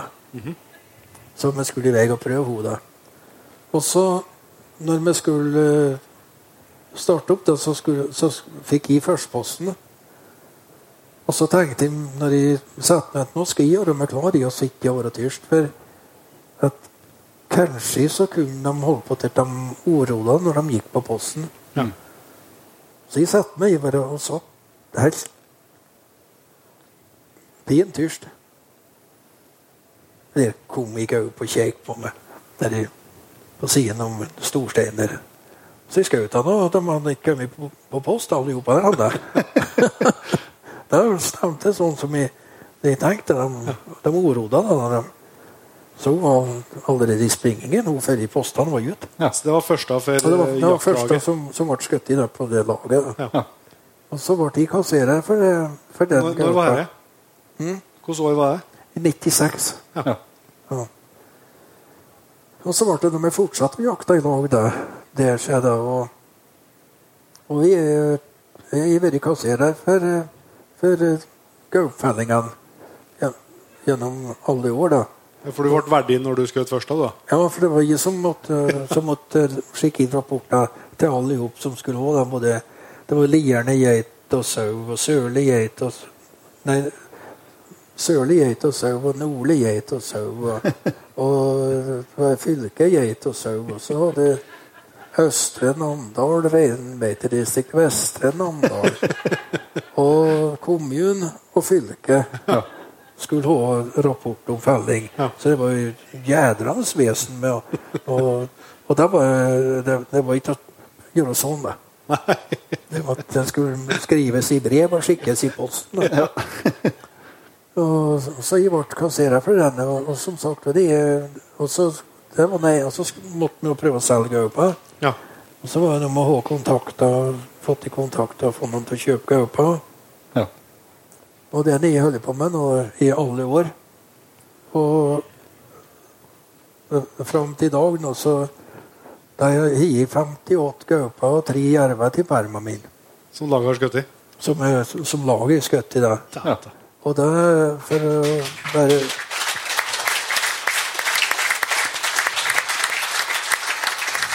Det må jeg si. eh, Det må jeg si Alf, at eh, du- du viste oss den permen i dag, og der er det jo også notert med årstall og dato og skjøtter og hvor det er hen, Ja, ja. og kilo og alt i hop. og, og vektig på alle dyr. Ja. da. Så det er veldokumentert, eh, alle fellingene Ja, ja, siden det, så, det, så det Vi står for det, sier.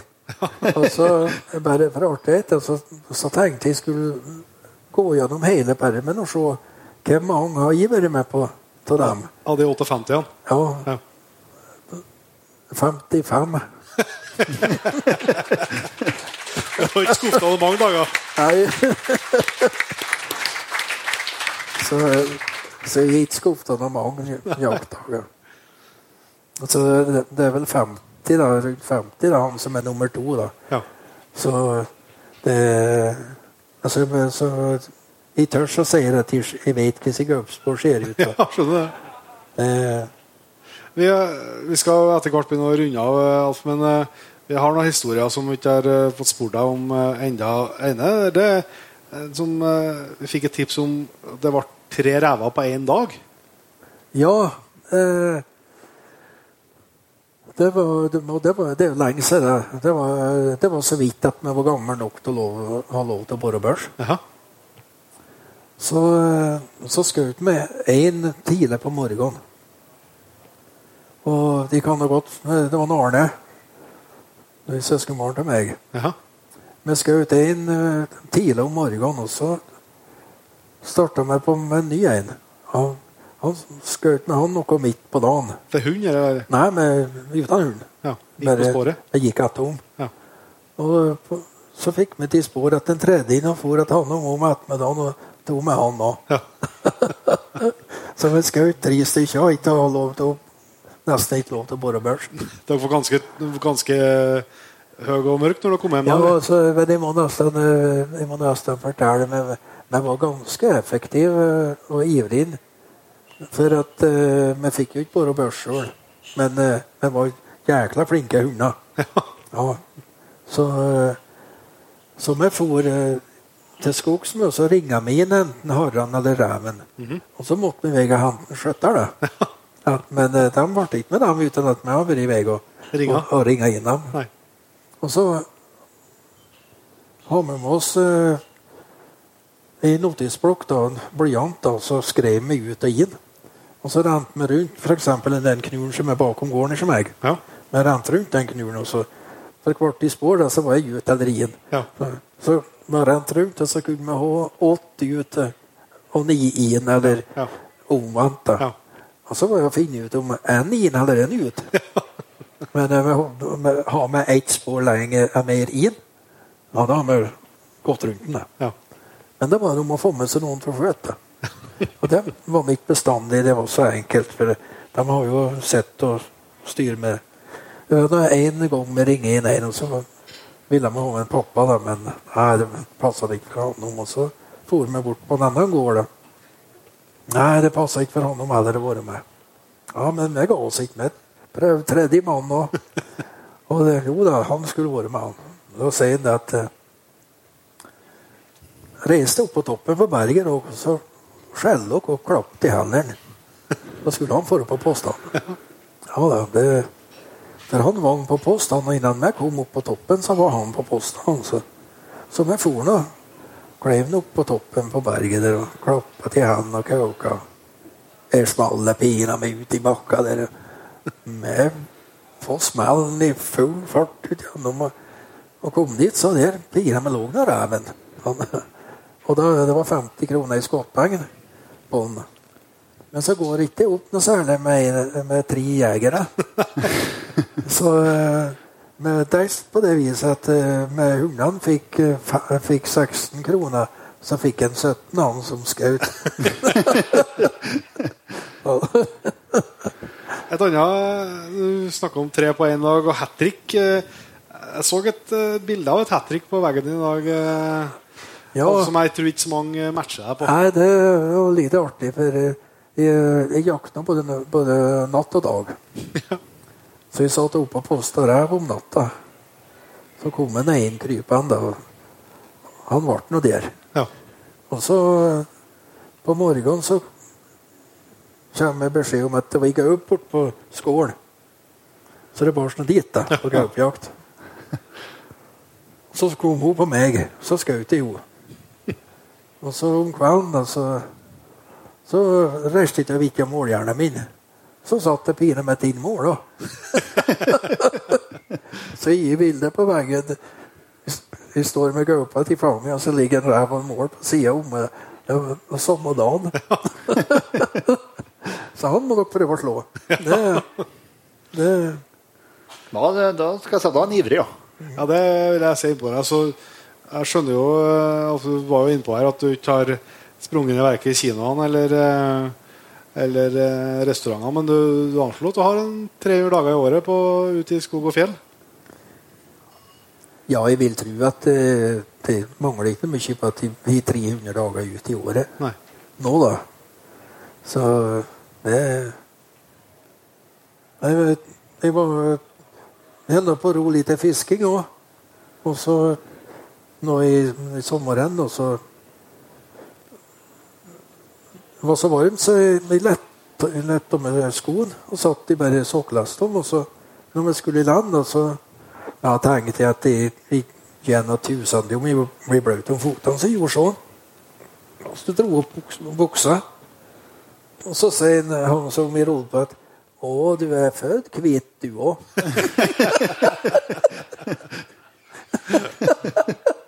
Det er veldig bra. Vi skal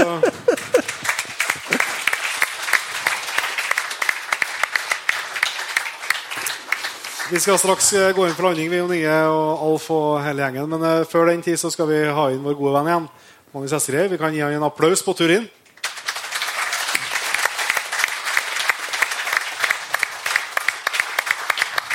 Og jaggu så har han med seg Tinderløvene eh, Musikerne.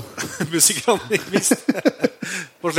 Vi eh, kan jo ikke runde av eh, Jegerpodden live, selvsagt, Magnus, når vi har med oss deg, uten eh, ei eh, fantastisk låt som jeg hørte, eh, Jon Inge hørte, første gang under nettopp eh, gaupejakt, som vi har snakka med en, eh, om her, var ikke under selve jakta, men det var i hvert fall på kvelden når vi prøvde å eh, glemme sorgene at vi ikke fikk til den gaupa. Vi fikk høre den låta første gangen. Og den har fått eh, det treffende navnet eh, som alle vi jegerne har et forhold til, som må leveres eh, på tampen av hver sesong, nemlig Fangstrapporten. Og jeg tenkte vi kunne ta den før vi gikk inn helt på landing her. Går det bra? Det går bra for meg, ja.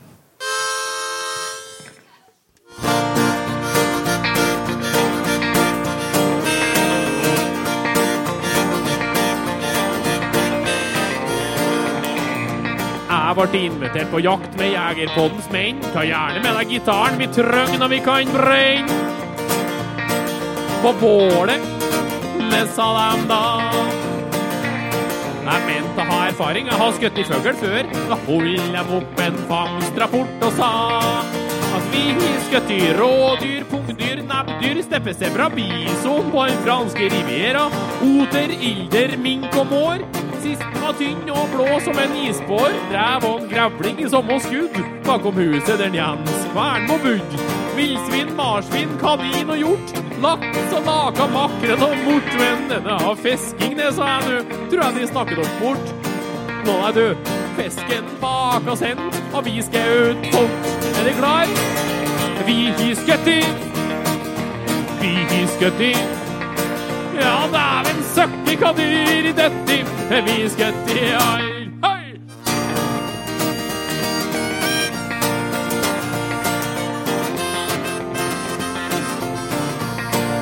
Her står det høgorm, horrå, herring og hai på ei jaktfri yogasamling på Hawaii. Barkatt, hannkatt, gravkatt og bukk og havørn, men det kan du for så vidt utelukke. I april i fjor skjøt vi elleve jerv, som resulterte i viltnemndas lederverv. Måke, kråke, trast og gås. Koala, krokodille og albatross. Men ja, da freda Jan det de ikke da var. Jo, men det var før i Facebook, der så det var unna tider da. Og kom igjen, vi har skutt i. Vi har i. Ja, dæven er hva dyr i døtti. Vi har i. Ja, det. Jeg ble sett av noe tøk, og jeg har mål om å fordøye. Ja, du vet, jeg som ikke har lagt ned så mye annet enn ei gammel røy. Det var da voldsomt å rapporteres alt det der.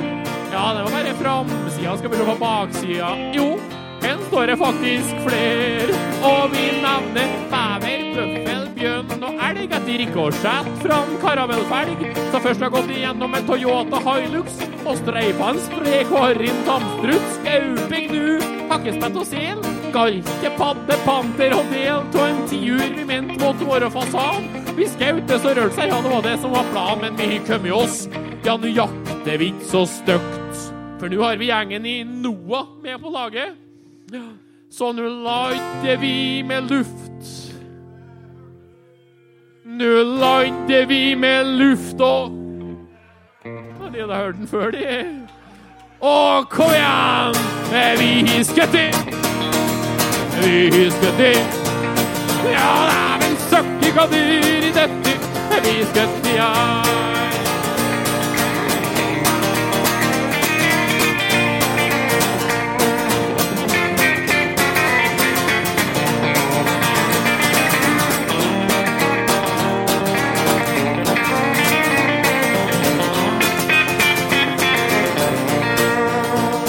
Men igjen ble jeg sittende og spekulere, og jeg tenkte det må da mangle noe her. Hva med ulven som river både rein og sau, og lar det ligge og pines før det får dau? Hva gjør de med sånt et dyreplageri? Nei, staten lar ikke oss få gjøre nevneverdig mye, nei, med akkurat de. Å nei, så de skjøt i ulv om de ser den, som jeg forstår. Og du på styr, da blir jo bøter og kanskje fengsel. Ja, opptil flere år. For det er straffbart, vet du, og store synder er. Hvis du skjøt ulv og så forteller folk om det. Ja da, vi husker det. Vi husker det. Dæven søkki hva dyr i dette. Vi husker det, ja, alle sammen. Kom igjen! Vi husker det. Vi husker det. Ja, dæven søkke hva dyr i dette. høyest i det alt. Hei!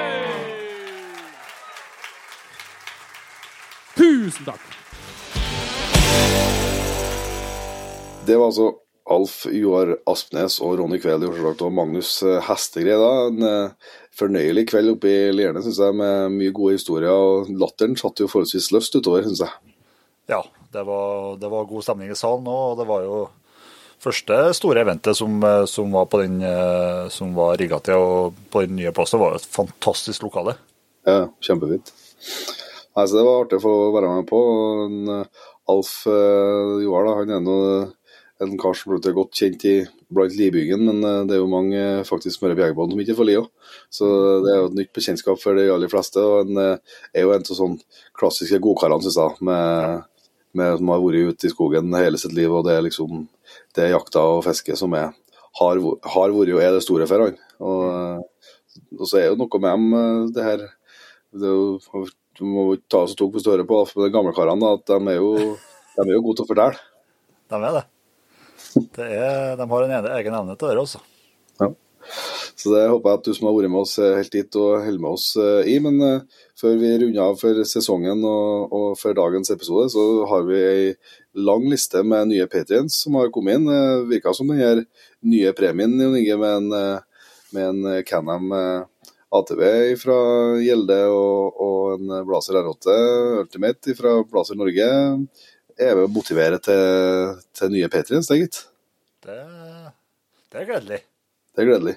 Så vi starter på toppen av lista og sier tusen hjertelig takk til Robert Sundal, Vetle Stortrønd Nybakk, Steinar Brun, Vidar, Ole Ingar, Glenn Hjorthol Johnsen, Kai Tore Birkeland, Mikael Ottershagen, Stian Sveum, Thomas, Vegard Megård, Daniel Svensberget, Håkon Andersen, Vegard Megård, Haugtussa, Asle Myrheim, Tommy Steve, Steve Berntsen, Tommy Lyseggen, Sebastian Tørresvold, Sten Gregersen, Markus Vestli, Thomas Bakke, Lasse Haug, Kristoffer Røsjø, Trym Hundemo, Simon, Johan, Kjetil Myrland Pettersen, Hans Olav Kulseth, eh, John Hansen Øyen, Mats Olsen, Linda Bryn, Ola Langeda, Langeland, Glenn André Johansen, Sverei, eh, Mari, Jørgen, Morten Brandtzæg, Hellik, Svein Børresen Petter Løkken, og Erlend Romundstad. Tusen hjertelig takk til alle dere, og selvsagt til alle sammen da, som er med å utgjøre Patriot-laget. Vi håper at uh, dere har lyst til å, bli med oss inn i et uh, nytt år. Og Da eh, er det jo rett og slett på tide å ønske våre kjære lyttere en god jul. Lykke til med, med all den eh, tradisjonelle og gode jakta som, eh, som bruker å være før jul. Yes. Og så må vi si takk til alle som har vært med oss som gjester, og som eh, lytter gjennom hele sesong 11. Da. Og så er vi tilbake rett på nyåret med, med nye episoder og sesong 12 av Jegerpodden. Det gleder vi oss til. Det gjør vi. Jeg håper at feberen er borte og stemmen er tilbake, og så tror jeg bare unna hver, så ser er vi som bruker den ingen til neste gang. Vi høres.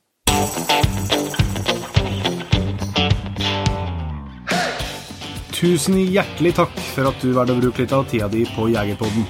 Sjekk ut jegerpodden.no eller eh, din favorittpodkastspiller for enda mer innhold og flere episoder.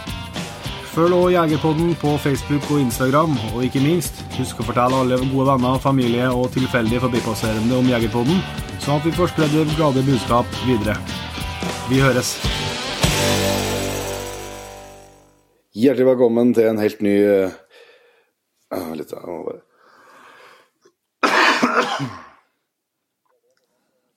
Hjertelig velkommen til en helt ny forbanna satans Hjertelig velkommen til en uh, ny episode av Jegerpodden.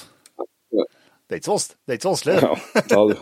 Nei, det er greit hvis stemmen holder sånn noenlunde gjennom setningen.